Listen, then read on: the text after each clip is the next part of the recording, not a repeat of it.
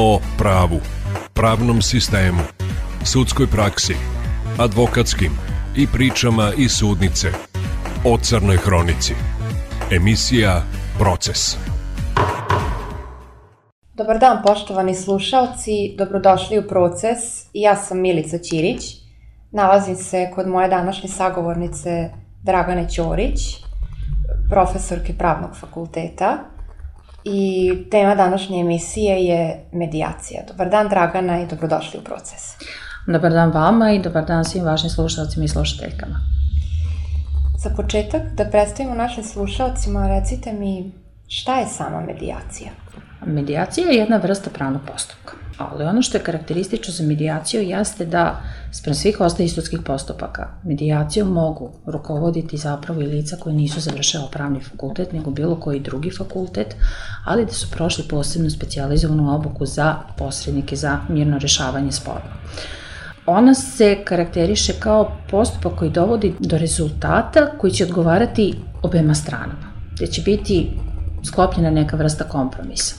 I kada uđete u sudski postupak, vi ulazite najčešće ne svojom voljom. Ulazite ili zato što vas je neko tužio ili zato što vi morate negde nekoga da tužite pa nekoga drugog uvlačite u tu neku vrstu spora. Sud, odnosno sudija postupajući će uvek doneti odluku na osnovu svih dokaza, pisanih, usmenih, datih izjava i na osnovu svog slobodnog sudijskog uverenja koje, prema mom nekom iskustvu, u najvećem broju slučajeva se ne svidi ni jednoj ni drugoj strani. Sud daje svoje viđenje kompromisa rešenja nekog spora koji se nalazi pred njim, a kao što rekao, on se najčešće ne sviđa ni jednoj ni drugoj strani, dok medijacija sa te strane je različita jer daje priliku da stranke same u tom postupku, znači obe strane, čak ne govorimo ovde o strankama, nego stranama, da strane u medijaciji samostalno kreiraju rezultat medijacije, rezultat tog postupka mirnog rešavanja spora koji će jednima i drugima najviše odgovarati ili kako bismo to rekli, sa kojim će obe strane biti jednako ok. To bi bilo za sad za neki početak. U kakvim predmetima i kod kojih dela se najčešće koristi medijacija? Medijacija se jedino ne može koristiti u krivičnim prekršenim predmetima, zato što tu već, ajde da kažemo, postoji neka povreda zakona. Svi ostali sporovi prema zakonu o posredovanju u mirnom rešavanju sporova koji je 2014. godine donet, jesu na neki način medijabilni. Znači, govorimo o svim onim situacijama koje se tiču nagrade štete, Takođe, jedna od vrsta sporova koji su isto takođe medijabilni jesu oni koji se tiču um, radnih sporova. Medijabilni su takođe svi sporovi koji nastaje iz turističkih angažmana, znači da uplatite neko letovanje pa da se ono ne realizuje, da vam agencija ne želi vratiti novac ili slično.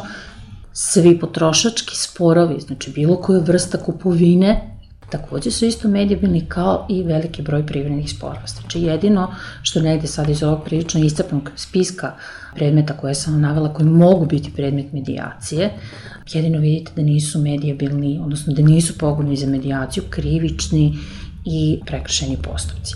Recite mi, kako je naše društvo prihvatilo tu samu medijaciju, jer to je nešto relativno novo za nas? Pa onako sa nekom vrstom možda sumnje. Moje lično iskustvo sa medijacijom jeste da ljudi ne koriste onoliko koliko bi trebalo.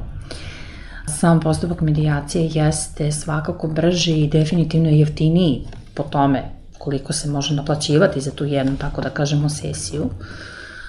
Ceo neki spor koji se možda vama a, u sudskom postupku rešava neko duže izvesno vreme, od nekoliko meseci do nekoliko godina, ovde se može razrešiti u jednoj ili dve ili tri sesije koje možda će delovati iscrpljujuće, trajaće par sati, ali medijator je onda apsolutno posvećen samo vama. Kao što rekao, ne koristi se možda toliko koliko bi trebalo. Najčešće, prema mom iskustvu, se koristi upravo u tim situacijama naknade štete, potražnje honorara iz određenih radnih odnosa ili bilo kakvih nekih drugih novčanih tražbina i nešto reće koliko sam ja sama primetila kada su u pitanju radni sporovi. Ako uzmemo da smo recimo evo vi i ja bili u nekoj medijaciji i nas dve se sada negde u tom postupku dogovorimo da ćemo ipak postupati tako kako jeste, kako smo se negde dogovorili, potpišemo taj sporazum za izvršenje medijaciji, on će dobiti kategoriju izvršne ispe, ali znate šta, to čak i tada nije obavezujuće za nas. To je ona što je neka vrsta blagodeti ove medijacije, što i tada i kada se dogovorimo, nas da možemo opet da odstupimo bez ikakve neke druge sankcije po nas. Jednostavno ćemo reći, ok, sklopila smo taj sporazum, ne sviđa nam se, prespavale smo, ja mislim da mogu dobiti više u sudskom postupku, idem u sudski postupak, puj pik i ne važi se kompletan postupak. Prosto možemo u svakom momentu i u toku samog postupka medijacije da odustanemo, da kažemo, pa evo ja sam ušla s nekom idejom kako mi je predstavljeno šta jeste taj postupak medijacije ili posredovanja, ali onda vidim da to nije to i ja odlučujem da se povučem iz toga, sudskog postupka. Kada vas ja tužim vi morate da uđete u postupak, ne možete ni vi, ni ja da se povučemo dok se ne donese sudska presuda. A iz medijacije uvek možete da se povučete. Možete da kažete nisam zadovoljan s tim, nisam zadovoljan s tim kako to izgleda, na koji način to sad negde funkcioniše. Tako da je on negde je neformalniji postupak, um, daje mnogo više slobode i više se, baš zato što ga mogu sprovoditi posrednici koji nisu samo isključivo pravnici, a među kolegama i koleginicama posrednicima postoje arhitekte, profesori i profesorke arapskog ili engleskog jezika, ekonomisti, znači najrazličitije profesije su tu uključene i baš zbog toga se u posredovanju daje više akcenat na tome da se zadovolji neke naše lične potrebe i zadovolji neki naši interesi, moja potreba, nećete mi zameriti što stvarno govorim da ja vas tužim, prosto to ovako figurativno da bi objasnila. Moja potreba da ja vas tužim prističe iz toga da ja želim da dobijem neku validaciju od vas koju nisam dobila da dobijem neku potvrdu od vas. Vi niste hteli da me date potvrdu, ja sam odlučila da ja vas tužim.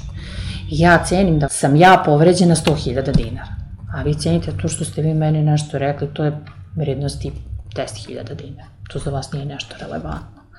E vidite, sud će ceniti samo po određenim faktima i po tome koliko sudija pride veru, odnosno verodostojnost, vašoj moje izjavi.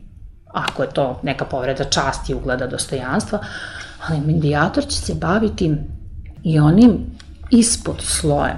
On će se baviti time, kao što rekao, šta je moja i vaša interna potreba, interes, šta je naše psihološko biće negdje telo da uradi. Tako da ponekad umem da kažem da je sam postupak medijacije nekad i jedna jako dobra psihoterapijska sesija. Neki zanimljiv slučaj eto, koji se završio? Jedan od interesantnih slučaja medijacije koje sam imala je bio sukob rasprava gde su se dvoje već u tom momentu bivših supružnika nisu se mogli dogovoriti kako će podeliti imovinu. Podela imovine je bila krajnje specifična. Došli smo na kraju, ja sad onako krećem da čitam i muškarac kaže, e znaš šta? E kaže, ti si toliko kaže tvrdoglava, ja tebe toliko volim. Aj kaže, mi se ovo debatujemo, ja kaže, mi ponovo da se venčamo. Ja kao, molim. kao šta, šta ćete raditi? I kaže, mi ćemo lepo da javimo sudu da mislim, ceo taj postupak i to, taj razvod braka, da to sad sve poništa. Naravno, ona je tu njemu pala u zagrlja i epska priča se onako nekako završava i krajnje, kažem, bilo simpatično, krenulo je zaoštreno na krvi na nož, apsolutno ali je, eto tako nekako krajnje romantično se desi, onda mi jedan kolega rekao kad sam pričala, pa što samo kod tebe može da se desi. Mnogo vam hvala što ste govorili za emisiju procesu. Hvala vama, stojim na raspolaganju za sva neka druga pitanja što se ovoga tiče. O pravu, pravnom sistemu, sudskoj praksi, advokatskim i pričama iz sudnice. O crnoj hronici. Emisija Proces.